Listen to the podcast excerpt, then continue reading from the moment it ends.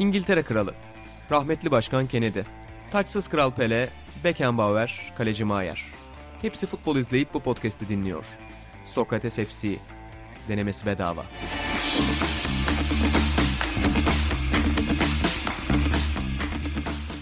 Sokrates FC'den herkese merhabalar. FC'nin yeni bölümünde farklı bir kadroyla karşınızdayız biliyorsunuz. Rotasyon yapmayı çok seven bir ekip var burada.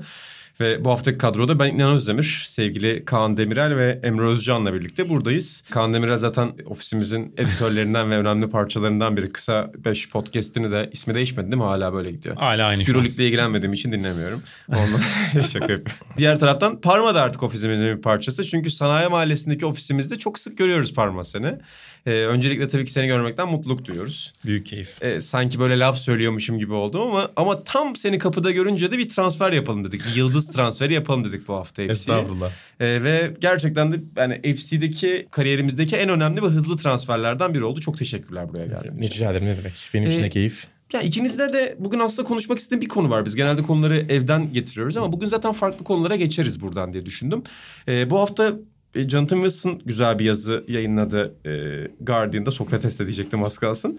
Ve işte Şampiyonlar Ligi'ndeki büyük takımlar üzerinden Avrupa futbolunun biraz durumunu eleştiren bir yazı yazdı. Yani domestik anlamda Juventus gibi, Bayern Münih gibi, işte Liverpool ve Manchester City gibi takımlar liglerini domine ediyor. Ama şu anda tatmin edici bir futbol oynayan bir takım yok dedi Şampiyonlar Ligi'nin bu aşamasında. İşte Atalanta gibi peri masallarını bir kenara bırakırsak. E, Parma senden başlayacağım. Yani Emre senden başlayacağım böyle Parma diyorum ama genel olarak katıldığım bir tez mi bu? Yani şu anda Şampiyonlar Ligi aşamalarını izlerken hakikaten de bunu hissediyor musun? Yüzde yüz katıldım. Bir iş, e, görüş. Hatta ben bunu sezon başında hatta geçtiğimiz sezonun belirli bölümlerinde de söyledim. Geçtiğimiz sezonda bence çok farklı değildi durum. E, yani şöyle çok farklı değildi. Şimdi abi muhtemelen okumadım ben yazıyı bu arada. E, ama e, yani düşündüğü takımlar muhtemelen işte Barcelona, Real Madrid, Evet. e, Atletico Madrid, Paris Juventus. Juventus, Bayern. Paris Saint Germain de tabii ki içindedir ama Paris Saint Germain zaten hiçbir zaman e, başarıya gidemedi. Yani her zaman büyük kadrolar kurdu ama hiç beklenen başarıya ulaşamadığı için yani şu anda iyi durumda olup olmadığına dair konuşmak çok mantıklı değil ama bu 5 takım e, son 5-6 yılı domine eden takımlar. Sürekli yarı final oynayan, sürekli şampiyonluk kazanan. Dördünde zaten 6 yılın son 6 yılın dördünde Real Madrid kazandı. İşte Barcelona oraya giriyor. E, Juventus'un iki finali var. Atletico Madrid'in iki tane finali var. e, oynadığı Şampiyonlar Ligi'nde. E, Bayern Münih'te zaten yani her zaman tepe takım. Şimdi e, bu beş takımda da hakikaten düşüş var. Geçtiğimiz sezonda aynı şeyler geçerliydi ama bence. Yani Bay- Bayern geçtiğimiz sezonda iyi değildi. Barcelona geçtiğimiz sezonda mükemmel değildi. Yani Messi'nin istisnai performansı vardı ama yani takımın böyle zayıf olduğunu anlayabiliyordun ki zaten işte o yüzden de belki de onun uzantısı olarak 3 farktan tur verdiler Liverpool'a. Şey Real Madrid Geçtiğimiz sezon zaten büyük çöküntü yaşamıştı ama yani e, doğal bir dönüşüm. Çünkü son 5 senenin 4'ünü şampiyon bitirmişlerdi Şampiyonlar Ligi'nde ama Ronaldo ayrılmıştı. Oyuncular yaşlanmıştı. O doğal bir dönüşüm. Hala onu yaşıyorlar bana kalırsa. E, Juventus e, geçtiğimiz sezon dibe vurdular Allegri ile ki zaten o yüzden Allegri ayrıldı. Şimdi Sarri geldi ama o da işleri toparlayabilmiş değil. Yani bence bu sezonun konusu değil bu. Geçtiğimiz sezonda var olan bir şeydi. Yani son bir buçuk iki senenin e, konularından biri. Tamamen katılıyorum. Bu beş takım dediğim gibi ben Paris Saint Germain'i bunun dışında tutuyorum.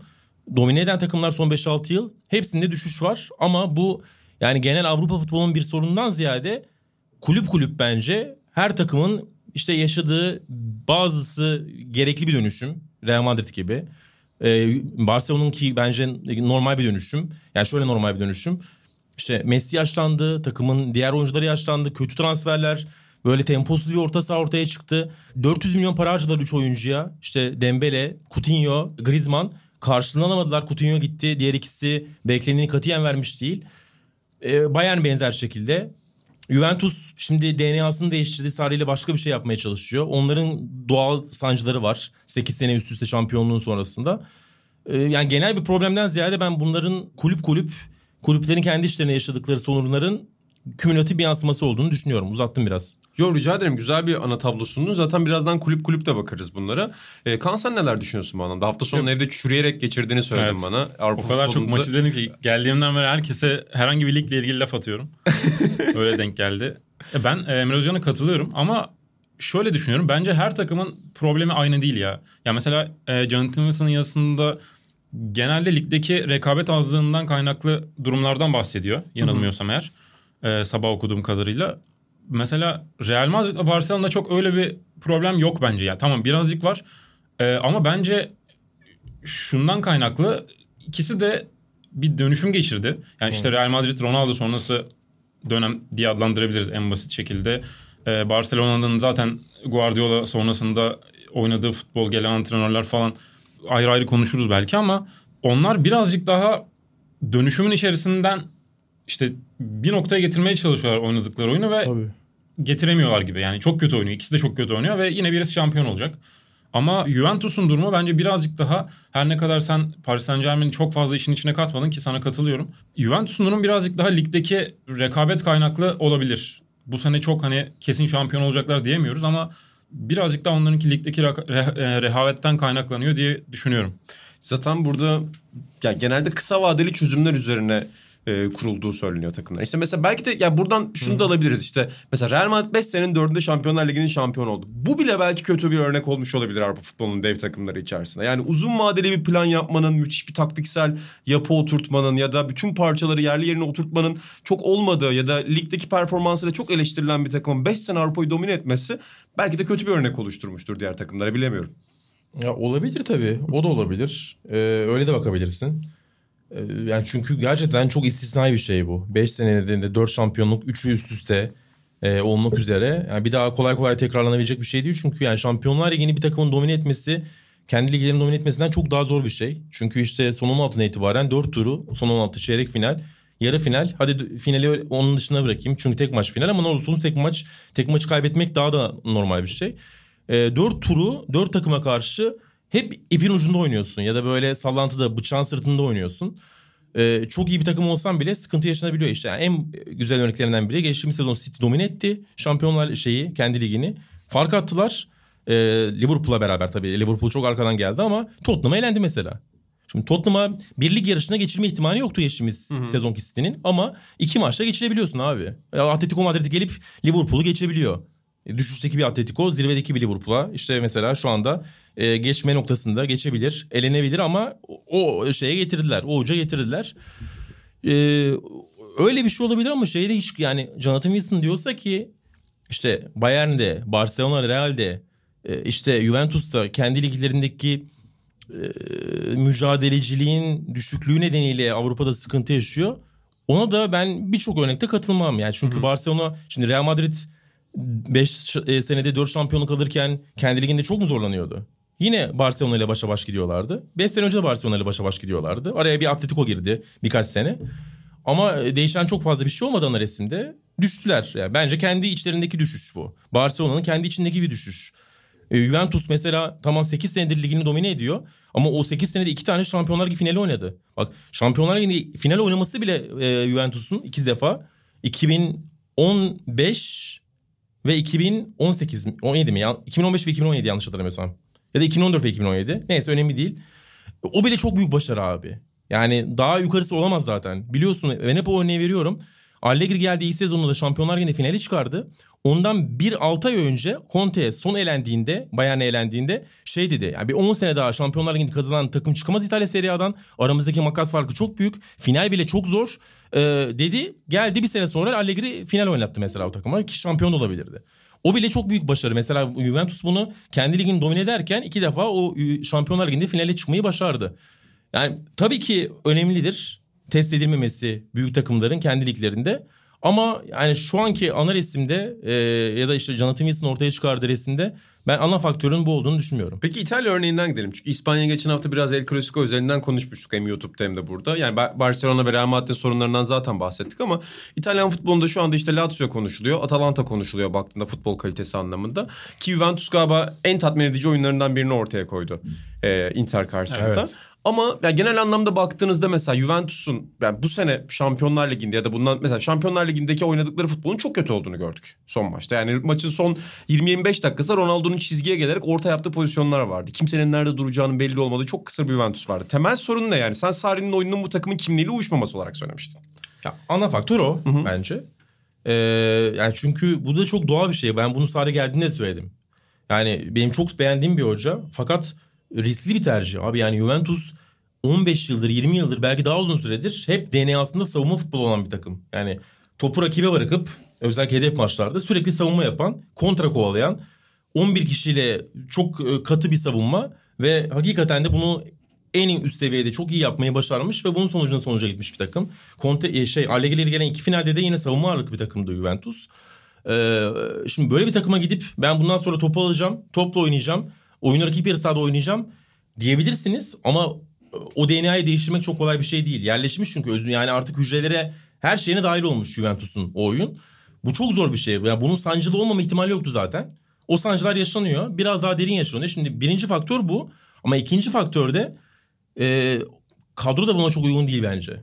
E, yani özellikle orta saha hatta hücum hattı için de bunu söyleyebiliriz. E, çok temposuz, çok böyle sadece pas kalitesi odaklı, yaratıcılık odaklı oyuncularla e, bir arada. İşte mesela Juventus Inter maçındaki en büyük fark o bence. Ben 2-3 e, haftadır Juventus'taki eksikliğin özellikle son maçlarda ortaya çıkan Rabio, Pjanic, Bentancur orta sahası olduğunu söylüyorum. 3 tane top ayağını isteyen, 3 tane top rakipteyken reaksiyon göstermek konusunda sıkıntı yaşayan, 3 tane topla ya da topsuz penetre edemeyen e, saha içinde oyuncudan iki oyuncuyu değiştirdi Allegri Juventus Inter maçında. Matuidi takımın en atlet orta sahası. Yanına Ramsey koydu saha içi. Arkaya Bentancur'u çekti. Bambaşka bir orta saha. Matuidi maçın yıldızı. Savunma anlamında çok top kesti kazandı. Ramsey maçın yıldızı sürekli hücum hattına yani ceza sahasına koşu attı. Bir gol bir asist. İki golde de payı var. Orta üçlü biraz değişince takımın e, performansı da değişti. Ama yeterli değil yani. Mesela Matuidi'ye bir şey olsa yine sıkıntı yaşayacak Juventus. Ramsey'e bir şey olsa yine sıkıntı yaşayacak. En uç Dybala, Ronaldo, Higuain ne kadar uyumlu? Yani kadronun da dezavantajları var bence. Ya zaten temelde Ronaldo'dan başlayan ama esasında orta sahada düğümlenen bir sorun var. Yani sonuçta Ronaldo'yu ne kadar pas oyununun içine dahil edebilirsin ki? Tabii yani Ronaldo. Sezon başından e, beri şey merak ediyorum. Ronaldo pek çok maçta şeyden orta yapıyor ve ya da olur olmaz yerlerden şut çekti oluyor. Yani Ronaldo'nun tam görevi nedir takımda? Ne oynuyor? Onu ben anlamadım. Ve Sarri ne kadar Ronaldo'ya bunu dikte edebiliyor? Yani mesela kesinlikle Sarri'ye şu anda sorsak Sarri buraya Sokrates FC'ye gelse şey der. Ronaldo büyük bir profesyonel. Onunla çalışmak benim antrenörlük kariyerim için en önemli şeylerden biri. Kesemez de zaten. Hani öyle bir ihtimal de yok zaten. Hı hı. Ama ne kadar ana planın içine dahil edebilirsin ki Ronaldo'yu? Real Madrid'de bile kazanırken Ronaldo'nun görevi aslında geçen seneki Juventus'taki görevdi. Yani bitirici rolde olmakta. Geçen sene o yüzden Atletico Madrid maçı belki de Juventus'un sezonunun en önemli maçıydı. Çünkü tam bir Ronaldo maçıydı. Ama bu sene Ronaldo maçlarıyla bir yere gidemezsin gibi görünüyor. Ee, tabii ee, ki yani Ronaldo odaklı da aslında bir sorun var Juventus'ta. Ee, mesela ben Sarri gelir gelmez e, öyle bir şeyler de düşünüyordum ve söylüyordum. Şimdi Ronaldo abi kari- kariyeri boyunca kaç yaşında şu an Ronaldo? 35 var 34, 10, 85'li 35 tabii. 2020 ile beraber aslında rakam olarak 35'in içine girdi tamamen. Abi kariyeri boyunca e, Ronaldo topa sahip olma takımlarında oynadı mı?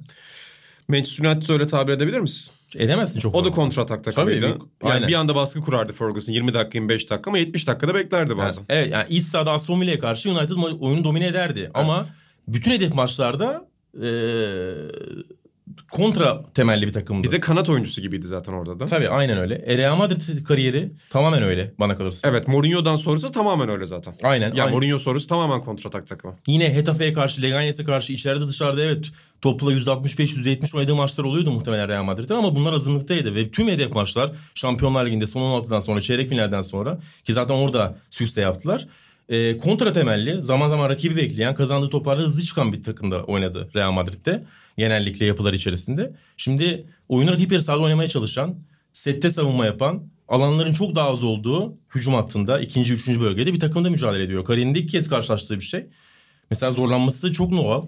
Ki zorlandı kariyer şey sezonun ilk başında adapte olması zaman aldı. Adapte oluşu da Aralık ayıyla beraber başlıyor belki. Hatta şu Ocak ayıyla beraber başlıyor. Ondan sonra neredeyse her maç gol atan bir Ronaldo ortaya çıktı ama bir 4-5 ay o da bocaladı mesela dar alanda. Ya 35 yaşında zaten nasıl adapte olabilirsin ki bir şey? Çok zor. Ama oluyor işte. Yani yavaş yavaş oluyor. evet. Mesela tam bir uyum olabilecek mi orada baktığımızda? Çok zor. Zor. Zor. Ki bence mesela dün e, Juventus inanılmaz oynadı. O bir kenara ama e, yani Juventus'un oyununun o kadar iyi görünmesinde birazcık da Conte'nin hatalarında payı var ya da Inter'in çok kötü oynamasında payı var. Bilmiyorum katılıyor musun? Ya tabii. Sonuçta yani rakiple oynadığın bir oyun bu. Ee, Inter'in de reaksiyonu çok yeterli değildi. Inter'de böyle özellikle Sensi bir sakatlandı ya sezon başında. Hı. Uçarak girmişlerdi. Brozovic önü Sensi, Barella müthiş bir üçlü olmuştu. Orada önce Sensi sakatlandı. Sonra Barella bir 2-3 hafta gitti. O yapı bozuldu. Ondan sonra orta sahayı toparlayamadılar. İşte dün de e, Barella, Vesino, arkasında Brozovic o yani e, Juventus'un o takımına reaksiyon veremedi. Lautaro Martinez, Lukaku çok e, kötüydü. Lukaku topa 75 dakikada 14 kere dokunmuş biliyor musunuz? Juventus'a karşı. Yine- şey. Pas, sayısı değil abi dokunuş 14 dokunuş. Top gitmedi zaten yani. E, Juventus'un baskısından ve toplu oynamasından topu alamadılar. Lautaro da benzer. Ee, kötüydü yani Inter kesinlikle. Zaten ma- maç başında işte bir 20-25 dakika pozisyonu girdiler. Karşılıklı pozisyonlar vardı. Inter orada e, baskılıydı ama maçın sonrasında yoklardı. Evet. Bir de anlayamadığım bir değişiklik var. Barela'yı çıkardı mesela Conte. Sonra Eriksen'i aldı. Eriksen bir tane şut çekti kaleye başka hiçbir şey yapmadı. Ki o zamana kadar da bence maçın Inter adına en iyilerinden bir tanesiydi Barela. Kesinlikle. Yani Barella çok iyi oyuncu zaten. Ama Eriksen de çok zor. Yani çok spesifik oyuncu. 10 numara dışında bence yani bu zirve futbolda yeri çok kolay değil. Üçlü orta sahada çünkü kaleden uzaklaşınca yaratıcılığı azalıyor. İşte evet kaleden çok uzak kalıyor ya. Aynen kaleye yaklaşsa yapı bozuluyor. Çünkü üçlü bir orta saha istiyor. O zaman iki pivota döneceksin. O iki pivotun e, şeyleri değişecek. Yani Brozovic'in de yanında kim oynuyorsa, Vecino'ysa, Barella ise onun rolleri ve e, şeyleri, profilleri değişiyor o zaman. Ona da çok uygun değil. Yani Brozovic'in bence savunmanın tek oynaması lazım. Zor. Yani Eriksen'le böyle ideal bir yapı kurmak çok kolay olmayacak. Eriksen gibi herhangi bir oyuncuyla zaten şu an öyle bir yapı kuramıyorsun değil mi? Yani sana kafadan 10 gol 10 asist ya da 15 gol 10 asist yazmadığı sürece öyle bir oyuncu bulunduramıyorsun kadroda. Aynen. Yani Avrupa futbolunun Hakan Çağlanoğlu mudur e, Eriksen? Erik- Hakan daha fazla oyunda olmaya başladı gerçi son yıllarda. Eriksen'in var abi Tottenham'da böyle. Çift taneli gol sayı, asist sayıları var. Ama işte orada kaleye yakın oynuyordu. 4-2-3-1, Pochettino'nun 4-2-3-1'inde. Ya 10 numara bazen işte Delali 10 numara o kenar. Bir kenar o bir kenar Heung-min. Harry Kane'in arkasında iki pivot. Wanyama, Dembele. Oralarda kaleye yakınken şut tehdidi, duran toplardan yaptığı asistler. Bayağı gol attı, bayağı asist yaptı. Ama hem şu anda o fiziksel durumunda değil hem de artık yani futbolun da bir dönüşümü var. Artık on numara da eee, çok kalmadı gerçekten. On numaralar daha çok böyle ikinci forvet gibi oynamaya başladı. Eriksen de pek ikinci forvet gibi değil. Ee, Onu bence kariyerinin son bölümünde zor bir süreç bekliyor. evet ki Bana öyle geliyor yani. Kariyerinin son bölümü de değil aslında. Değil değil Evet, yani. Yani bunun an- altın yılları olması gerekirken yani Ki- işte kariyerin ikinci yarısı diyelim. Evet ikinci yarısı olması beklenirken şu anda ikinci yarısında e, yani kullanılamayacak bir oyuncu noktasına geliyorsun ki Juventus'un önünde çok zor bir sınav var. Lyon sınavı. Yani ilk Lyon maçı hakikaten çok büyük bir hayal kırıklığıydı. Yani Sarri döneminin de en hayal kırıklığı yaratan maçlarından biri Evet. olabilir. Oynadığın oyunu itibariyle. Hiçbir çaresi yok gibi görünüyordu Juventus'un ki Lyon'a şurada elenmek büyük bir rezalet olur. Yani evet yani Lyon e, çok maçını izlemedim ben. Birkaç maçını izledim bu sene. Ama dün akşamki Lille maçlarını izledim. Yani nasıl e, ilk maçta Juventus'a karşı öyle oynadılar anlamadım. Çünkü ya, e, tamam çok önemli silahları Lille'i de var. küçümsetmeyiz burada. Yok Lille zaten Manyak takım. yani Lille 5. sırada e, yanlış hatırlamıyorsam 4-5'lerde geziniyor ama e, yani o, o kadar da şey bir takım değil. Ben mesela e, yani Lyon'un az önce de söyledim nasıl Juventus'a karşı bu şekilde mücadele verdiğini anlamadım. O yüzden ikinci maçta e, dün akşamki Juventus'a da birazcık güvenerek tersine döneceğini düşünüyorum işlerin ama Ama taraftar yok işte büyük ihtimalle. Evet, evet. Taraftar olmayacak. bu ayrı bir... Gerçi dün de yoktu taraftar. Beni o yüzden daha da etkiledi oynadıkları oyun. Ama yani sürekli boş tribünler önünde aynı performansı, aynı motivasyonla göstermek çok kolay değil. İhtiyacı olacaktır e, taraftara o maçta. Peki bu işte az önce Paris Saint Germain konuştuk. Çok ufak isterseniz oraya değinelim. Sonra biraz İspanya ve İngiltere özelinde bakalım şeylere bu takımlara. Ya Paris Saint Germain'in bir Şampiyonlar Ligi kültürü olmadığı çok açık. Yani bir kurumsal kültürleri zaten yok Şampiyonlar Ligi'nde başarılı olabilecek ama ya Thomas Tuchel sence nasıl bir deneyim geçiriyor şu anda orada? Yani deneyiminin sonuna mı yaklaşıyor yoksa bu yapıdan Neymar içinde Neymar'ı da bu yapının merkezinde tutarak bir şey çıkarman mümkün mü? Yoksa hakikaten bu defansif zaaflarla işin zor mu? Sen neler düşünüyorsun Paris Saint Germain tarafına baktığında? Ya ben yani böyle son dönemde son bir iki ayda ligde özellikle çok fazla izleyemedim Paris Saint Germain'i. Ee, ama e, böyle çok inişli çıkışlı bir grafikleri var. Thomas Tuchel'in de benzer şekilde. Mesela geldi kısa vadede bir etki yarattı. Sonra bir düşüş trendi işte şeye elendiler United'a elendiler falan o dönem çok eleştirildi. Sonra böyle işi bitiyor gibi görünürken sonra bir anda yine performansı yukarı çıkardı. Zaten takım çok kaliteli. Çok fazla bireysel yetenek var. O yetenekleri de böyle kendi sistemi dahilinde iyi kullandı. Birçok periyot geçirdi. Şimdi yine böyle şey gibi gözüküyor Paris Saint Germain. Yani Dortmund şeyi çok kritik olacak bence onlar için. E, rövanşı. Orada e, şimdi on- onların da seyircisiz değil mi? Muhtemelen seyircisiz. Seyircisiz diye ben ye- yeni bir haber gördüm. Ee, onlar da seyircisiz oynayacaklar. Çok büyük dezavantaj. Aynı Juventus gibi. Orada eğlenirlerse yine mesela Tuchel s- böyle şeyde sallanır en azından. Fransa basında vesaire. Ben çok beğeniyorum. Benim en beğendiğim teknik adamlardan biri. Eksikleri kesinlikle var. Yani saha içinde taktik anlamda çok mahir, çok yenilikçi. Ee, ama yani bireysel yönetim konusunda öğrenmesi gereken şeyler var büyük ihtimalle. Çünkü Dortmund'da da sorun yaşadığı oyuncular var. Sorun yaşadığı idareciler var. İşte Sven Mislintat'ta yaşadığı sorun var. Hatırlarsın. Onun Do- Mislintat'ın Dortmund'dan ayrılışı. O hep böyle birebir çekişmeye dayanan şeyler. O konuda kendisini muhtemelen geliştirmesi gerekiyor. Ki Paris Saint Germain gibi takımlarda çalışacaksa o konuda da mahir, mahirleşmesi lazım. Çünkü işte Mbappe, Neymar, Cavani gibi karakterlerle çalışıyorsun. Bence şu anda oyuncular üzerindeki hakimiyeti fena gözükmüyor. Ama mesela birkaç maç önce, bundan 2-3 hafta önce Mbappe'nin oyundan çıkarken sinirlendiği bir an var mesela. Hatırlarsın. Şimdi onlar çok iyi değil tabii. Yani hem Mbappe için, Mbappe'nin geleceği için onlar bence soru işareti. Hem de Tuchel için e, zaten kendisini böyle tam olarak kanıtlayamamış. Bu konularda da soru işareti olan bir teknik adamın oyuncularıyla öyle resimler vermesi onun için de çok iyi olmuyor. Ama bence Fransa futbolunun geleceği olacak. Çünkü yani Fransa futbolunun e, en önemli özelliği şu anda Fransa futbolunun tamamen NBA'ye özenmesi. Biliyorsun yani şu anda herhangi bir NBA oyuncusunun Instagram postunun altına bak. Yalaka bir tane Fransız futbolcu görürsün. en az. Öyle mi? En az yani. Bilmiyordum ben bunu. Ha mesela LeBron James'in yorum bölümüne bak. Rihanna, Halle Berry, e, Antoine Griezmann, Mbappe, Kral işte bilmem ne falan değil mi? Bunların hepsi böyle bu çocukların hepsi NBA oyuncusu olmaya çalışıyorlar şu anda. Bir laf vardır ya rapçiler NBA oyuncusu olmak ister, NBA oyuncuları rapçi diye. Ha, Fransız futbolcular da öyle olmak istiyorlar ama işte o hani bireysel kuvvet, bir oyuncunun tamamen takımı değiştirmesi, koçtan üstün olması falan Fransız futboluna da etmiş olabilir orada. Ama Tuval gibi oyuncularla çalışmak zaten her zaman zor. Yani oyuncuyu kendi yani oyuncu iletişiminde farklı olan mesela Sarri de biraz öyle muhtemelen. Oyuncu iletişiminde hiçbir zaman çok mahir bir koç olmadı Sarri. Tuval kadar sorunlu olduğu da hiçbir zaman yazılıp çizilmedi belki ama hatırlarsın Tuval'e bize Nuri Şahin anlattığında da söylemişti. Yani taktiksel anlamda benim gördüğüm en büyük koç demişti. Çalıştığım koçlar Evet, arasında. aynen. Ha, PlayStation gibi yönetiyor demişti bize. Maç boyunca olacak bütün aksiyonları sana söylüyor ve yapman gerekenleri söylüyor. Ama iletişimin zor işte. Tabii abi. Ya o iletişimden bir şey çıkarmak da zor işte. Ki bir hani Nuri Şahin'in ne kadar normal bir takım içerisinde karakter olduğunu biliyorsun. Atıyorum bunu Mbappe ile Neymar'la yaşadığında 5 kat daha fazla etki yapıyordur muhtemelen. Kolay karakterler de yok takımda ya. işte Saint Germain'de. Aynen.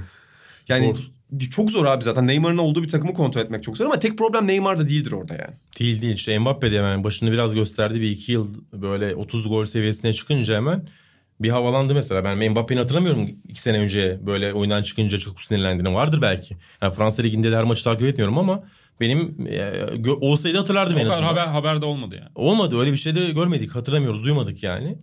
E, onda da tabii etken. E, Cavani çok kolay olmasa gerek. Zaten işte Neymar'la da sorunlar yaşamışlardı vesaire. Bunların hepsini bir arada dengede tutmak gerçekten çok zor. E, ben çok başarılı olmasını istiyorum. Ama tabii sadece saha içi taktik maharet yetmiyor bu oyunda maalesef. Peki oradan ben sana şey döneceğim. Yani İspanya Ligi'ni çok senin yakından takip ettiğini biliyorum. İşte Barcelona Real Madrid özelinde biraz konuşmuştuk bunu ama ya mesela İspanya Ligi'nde şey gibi demek çok zor. El Clasico bitti. Real Madrid şimdi şampiyon olacak gibi bir hava yaratılmıştı. Bir hafta sonra yine ligin bir anda tablosu değişti. Ya dün akşam işte eee Betis Real Madrid maçını izledim. Herhalde renkli ya ilk defa maç izleyen birisi yeşil beyazları şey zannederdi. Tam takımları ters tersine dönmüş zannederdi. Yani hangisi Real Madrid, hangisi Real Betis anlayamayabilirdi ki e, Real Betis de hani çok süper bir sezon geçirmiyor. Ligin ortalarında işte yukarı doğru çıkmaya çalışıyorlar ama Real Madrid o kadar e, kötü oynuyor ki yani 1-0 geriye düştüler ilk yarının ortasında. Son 41. dakikada. 45. dakikada penaltı golüyle 1-1 yaptılar. Ama ikinci yarıda e, her pozisyonda penaltı bekleyerek gol bulmaya çalışıyorlar. Artık ya Benzema pozisyona giremiyor. Ee, işte Vinicius'la bir şeyler yapmaya çalışıyorlar. Kanattan topu getirip orta yapıyorlar falan.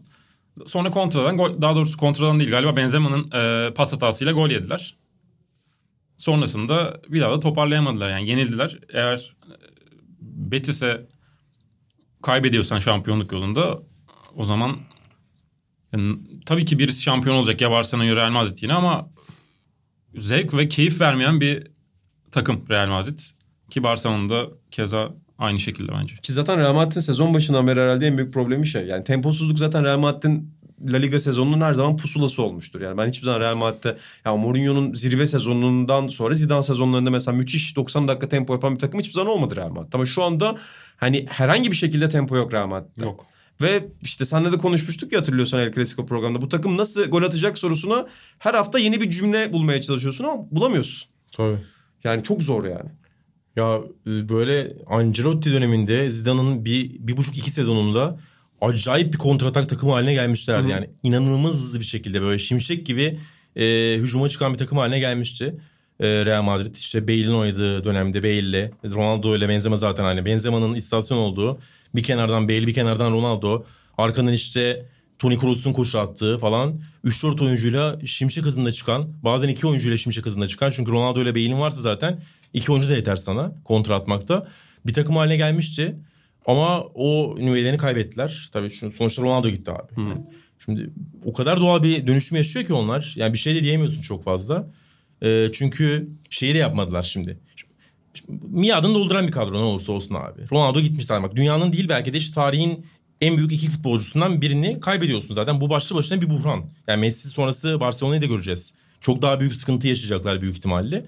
Şimdi onu kaybediyorsun o bir ders zaten.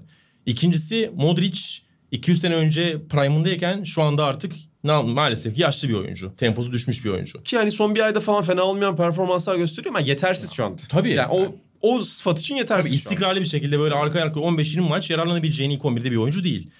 Kroos bile yani hala yaşı en normal olan oyunculardan biri yaşlandı. Marcelo yaşlandı. Ramos yaşlandı. Yani 4 sene önce tartışmasız en iyi stoper diyordu herkes Ramos için belki de. Şu anda en iyi demem mümkün değil. Van Dijk'ın olduğu bir ortamda. En iyi belki 2'ye 3'e bile koymayabilirsin şu anda Ramos'u. Zaten onun da sıkıntı yaşamaya başladığını görüyorsun. Oyuncular yaşlandılar. Ee, bunların hepsi bir araya geldi. Üzerine de Real Madrid para harcamadı abi henüz. Yani Hazard'a verilen 100 milyonu öyle değerlendirmiyorum ben. Çünkü daha e, kadroyu değiştirmeleri için böyle Barcelona gibi onların da bence bir 300-400 harcamaya ihtiyaçları var. Zidane işte onu yapmadıkları için gitti belki de. İşte Rodrigo ile şeye Vinicius'a bir 70-80 verdiler ama yatırım o da. Ki Yani bu bir- iyi bir mantık bence. Evet tabii. Yani hemen 300-400 saçmamaları bence daha güzel bir mantık. Bence de öyle. Kesinlikle öyle. Ama yani olabildiğince kullanmaya çalışıyorlar bu oyuncuları ama bu oyuncularla da gitmiyor. Çünkü hazır aldığın Hazar da bir türlü bekleneni veremedi. Şu anda işte Sakat. Aynen Vinicius'a falan kalıyorsun. Vinicius Rodrigo oynayınca Rodrigo. Bir kenarda diğer kenar problem. Kimin oynayacağı belli değil. Federico Valverde'yi falan kullanıyorsun. Isco misko oynuyor. Ya bir de mesela kenarlarda oynayan oyuncular maç içerisinde sürekli değişiyor. Herhalde 7-8 maçtır Barcelona sürekli kanat oyuncularını bench'ten birilerine getiriyor. Değiştiriyor işte yoruluyor. Tekrardan or- sürekli aynı yerden gol bulmaya çalışıyorlar. Bir de bence Juventus'ta bahsettiğimiz konu Real Madrid'de de geçerli. Bence Modric e, tabii ki artık yaşlandı ve o da mesela topla o kadar çok geride buluşuyor ki e, ön tarafta rakibin ceza yayının oradan e, üret, üretmeye çalışacak birisi yok. Vardı Torino'da artık ikamet ediyor.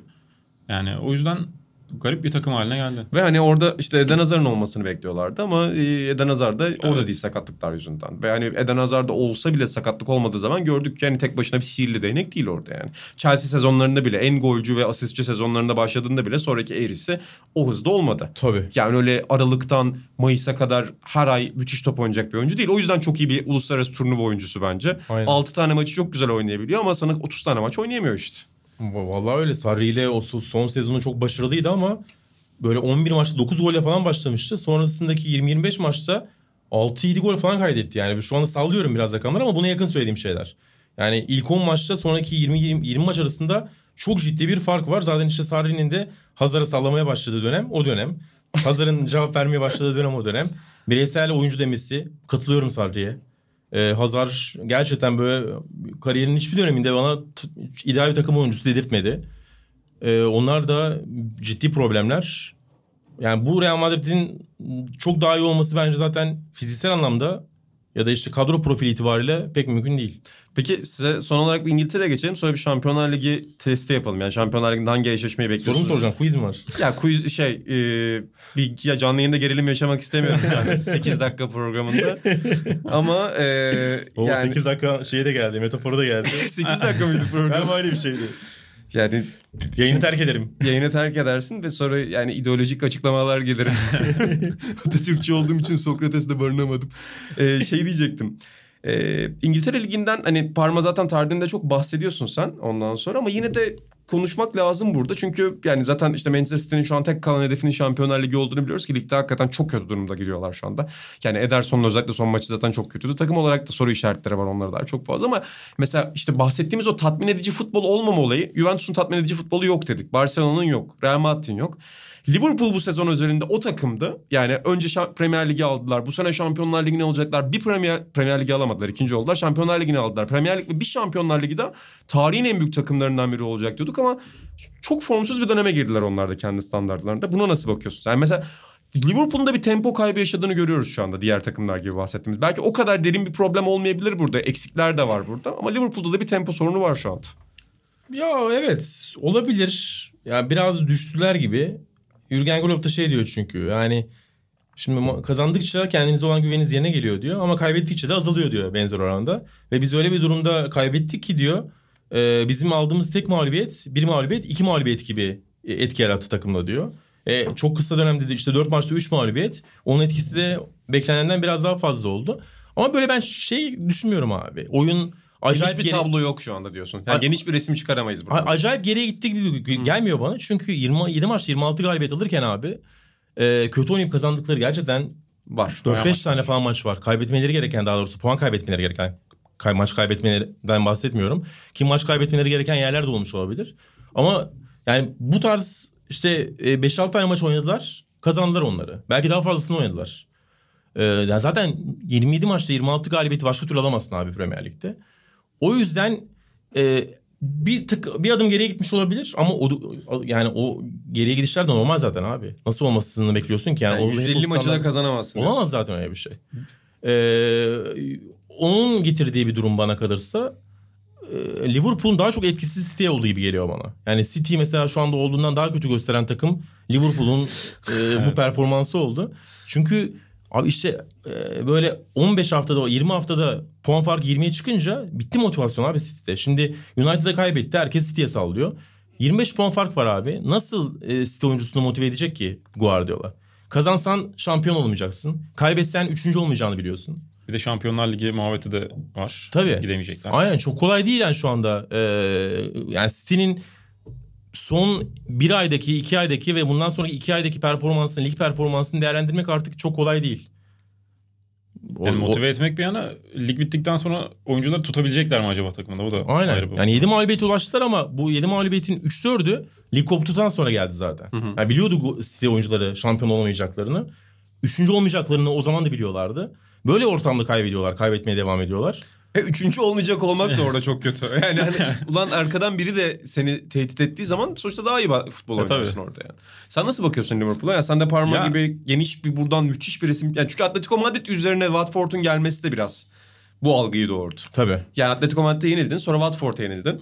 Ya ben birazcık eee, ş- bunun düşünce yapısıyla alakalı olduğunu düşünüyorum. Ya şöyle, eee, şimdi Liverpool örnek veriyorum 28 maç üst üste kazandı ya. Biz o kadar alışıyoruz ki Liverpool'un artık kazanmasına. Bir tane mağlubiyet, bir tane 1-0'lık mağlubiyet bize sanki işler çok kötü gidiyormuş havası yaratıyor. O yüzden bence o kadar da kötü bir tablo yok. Yani Atletico Madrid'e deplasmanda yenilmek ya da işte Watford'dan 3 yemek 3 gol olduğu için birazcık dikkat çekiyor. Onun dışında bence çok kötü bir tablo yok ortada diye düşünüyorum. Adrian orada belki soru işareti Ya- yaratan şeylerden biri Evet. olabilir. Çünkü son, son ne olursa olsun yani tamam bir Loris Karius değil e, Adrian ama e, yani çok da istemem açıkçası. Ya- Ya Atletico Madrid'le ikinci maça çıkıyorum. 1-0 geride başlıyorum. Kalede Adrian var. Tam Raki şakaları falan çok güzel de yani hakikaten sıkıntı. Hakikaten sıkıntı. Belki o da şeyden yakınır. Karius stadyum ışıklarından yakınmış ya gözüm alıyor diye. Belki öyle bir şey vardır. Abi Bournemouth maçını kazandılar ama mesela o maçta da birkaç pozisyonda hiç güven vermedi Adrian. Hiç güven vermedi. Hiç güven vermedi abi. Zaten yani kenar toplarda biraz içeride karambol olduğu zaman falan hakikaten sıkıntı yaşıyorsun yani. Aynen. Bir, mesela bir kenar ortasında kötü çıktı. Bir tane şutta böyle kötü bir reaksiyon verdi.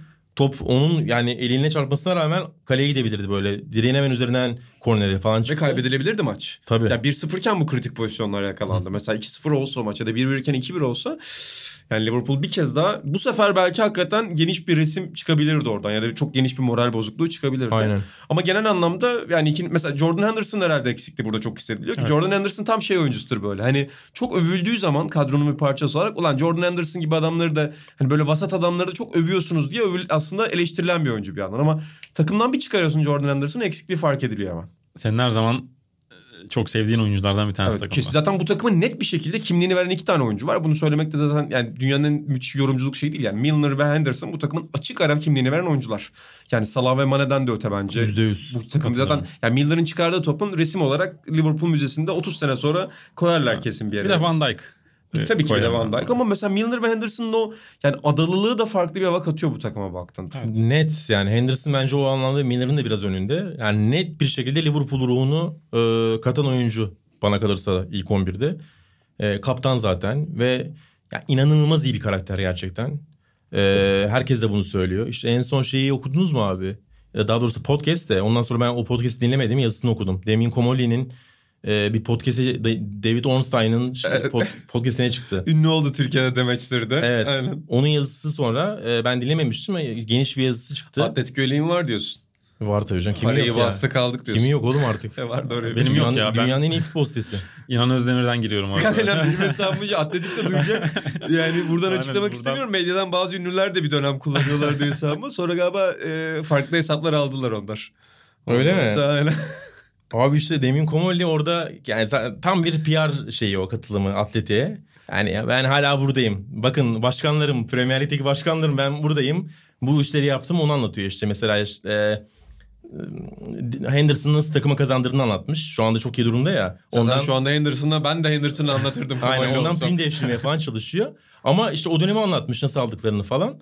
Ee, güzel hikaye mesela şey ne kadar iyi bir insan olduğunu şurada anlayabiliyorsun. Şey örneğini vermiş. Şey alıyorlar abi Henderson'ı ciddi bir para veriyorlar böyle 15-20 milyon civarı. O dönem için çok iyi para. Geliyor Henderson ilk sezon patates tamam mı? Yani çok kötü değil berbat değil Ama, ama, eleştirildi bayağı da. e, tabii beklenen performansa kesinlikle ulaşamadığı bir dönem. E, eleştiri alıyor böyle homurtular yükseliyor fan tribünlerden falan. Abi e, ki Komolli'de o dönem takım başında kim var abi? Şey Rodgers'tan önceki dönemden bahsediyorsun. Yok. tabii tabii daha öncesi. hı. E, geldiğinde Douglas mı? Kim Douglas olabilir Douglas, abi? Douglas. Douglas, olabilir. Evet. Douglas dönemi olabilir. E, o da performanstan böyle çok mutsuz değil bu arada onlar da. Abi Henderson şey yapıyor bir gün kapısını çalıyor Douglas'ın. Gidiyor.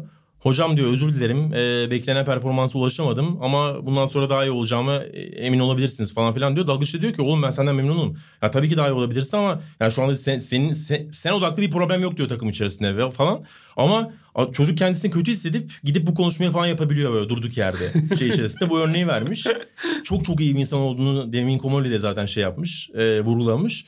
O görüyorsun zaten suratından belli ya Henderson'da. Kötü bir insan olma ihtimali yok yani. bazı bazı suratlar belli eder abi onu. Var mı Ben öyle böyle başka iyi, iyi insan gibi gördüğün? Ee, Arhan Atapilavoğlu. Mesela Atahan Altın orada hep şey der. Messi dünyanın en iyi insanı der. Ee, Messi bana öyle hissettirmiyor. Ama Henderson hissettiriyor. diyorsun. Henderson hissettiriyor. LeBron James öyle hissettiriyor mu sana? Lebron hiç hissettirmiyor. Ama Henderson bana da hissettiriyor. ya var öyle şimdi aklıma gelmiyor ama öyle futbolcular var ya. Hakikaten var orada. Peki teknik anlamda sence ne bu kadar vazgeçilmez yapıyor Henderson'ı? Ya baktığında mesela hiçbir bireysel özelliğinin inanılmaz olmadığını görüyorsun Henderson'ın. Çok güçlü bence. Çok güçlü sahada. Pozisyon bilgisi yüksek. Mükemmel pozisyon bilgisi. Ee, ve mesela 6 numara oynarken savunma önünde oynuyordu biliyorsun. Geçtiğimiz sezonun ikinci yarısına kadar. 6 numarayken e, şeyin Liverpool'un presini yöneticisi abi. hı. Yani her şey her şeyi ayarlayan, bütün oyuncuların mesafesini falan ayarlayan oyuncu. Du öyleydi.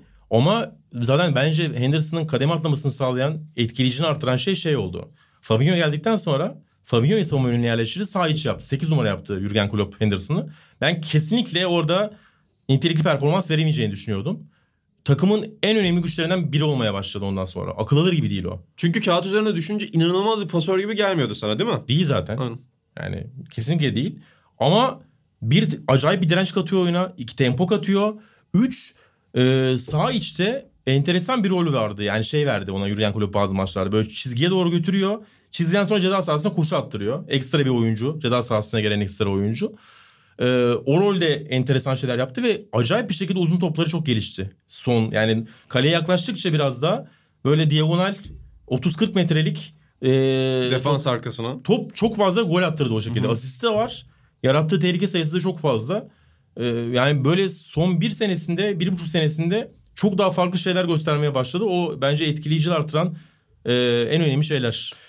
Peki o zaman son bölüme gelmişken sizden Şampiyonlar Ligi'nin bundan sonraki aşaması için yol rehberi isteyeceğim. Yani mesela ilk olarak bu hafta salı günü Valencia-Atalanta maçı var ve Leipzig-Tottenham maçı var. Şimdi ilk Leipzig-Tottenham maçını izledim. Yani güzel bir maç değildi. Kibar ifadeler kullanıyorum. Ee, hani Nagelsmann domine etti. Zaten yani bunu da bilerek söylemiyorum bu arada. Yani maçı da çok yarım yamalak izledim ama korkunç bir maçtı. Allah affetsin bir Abi maçtı. şu anda Tottenham'ı Burnley bile domine ediyor şu anda. O yüzden Nagelsmann etmiş çok önemli. Dom bak, Nor Norwich de Burnley domine etti Sokrates alırsa takımı zor anlar yaşatır Tottenham'a. Abi bu hafta Burnley maçı ilk yarıda Burnley 14 şut atmış Tottenham kalesine. Akıl alır gibi değil. Maç Hakikaten 1-1 akıl bitiyor. Toplu oynama oranı da %45 to- Burnley'nin bak. Burnley'nin herhangi bir top altı takımına karşı elde edebileceği en yüksek topa sahip olma oranı muhtemelen. Bundan sonra %45 herhangi bir maçta geçemezler büyük takımlara karşı. Ve ya bu Tottenham bağlantılı diyorsun. Tabii Mo- Mourinho Burnley'e bile top bırakıyor. hocam tebrikler hocam bravo. Yani siz o zaman Valencia-Atalanta maçı izleyeceksiniz galiba. Öyle mi görünüyor? Öyle görünüyor. Galiba. Ya, Ya orada da bilmiyorum. tur bitmiş gibi gerçi. Orada tur bitmiş 4 gibi. 4-1 aldı yani. Ama 4-1 biraz riskli abi. İlk yarım saat bir tane sıkıştırırsa Valencia. Of, bu da en sevdiğim klişedir bu arada. Rıdvan Dilmen çok sever bunu. Abi öyle ama. Hayır ya çok haklısın da benim en sevdiğim şey Rıdvan Dilmen yıllarca şey dedi. İşte abi 2-0'lar tehlikelidir. Hep söylerim onu Sokrates hepsinde. 3-0'lar tehlikeli. 3-1'ler tehlikeli. Ulan tehlikeli olmayan skor yok. Ya, Rıdvan, Rıdvan Hoca öyle bir konuşuyor ki sanki 1-0 2-0'dan daha iyi. Öyle diyor bazen bu arada. diyor değil mi bunda? Ya 2-0 diyor. Rehavet olursunuz diyor. 1-0'da oyun şeyi daha... Ama bak abi şimdi elimizde hazır örnek de var. 4-0 ile 4-1 arasında şöyle bir örnek var elimizde. Şey maçı hatırlıyor musun Liverpool? ya zaten son, Liverpool. son iki senede zaten sürekli döndü o seriler. Tamam 3-0. Ka- ka- bu arada kaç kaç bitmişti Liverpool Barcelona? 4-1 mi bitmişti? 4-1 bitmişti. 4-1 abi. Aynen. 4-1 bitmişti Bak, değil mi? Orada 5. golü kaçırdığı için hatırlıyor musun? E, Messi'nin yaşadığı hayal kırıklığı.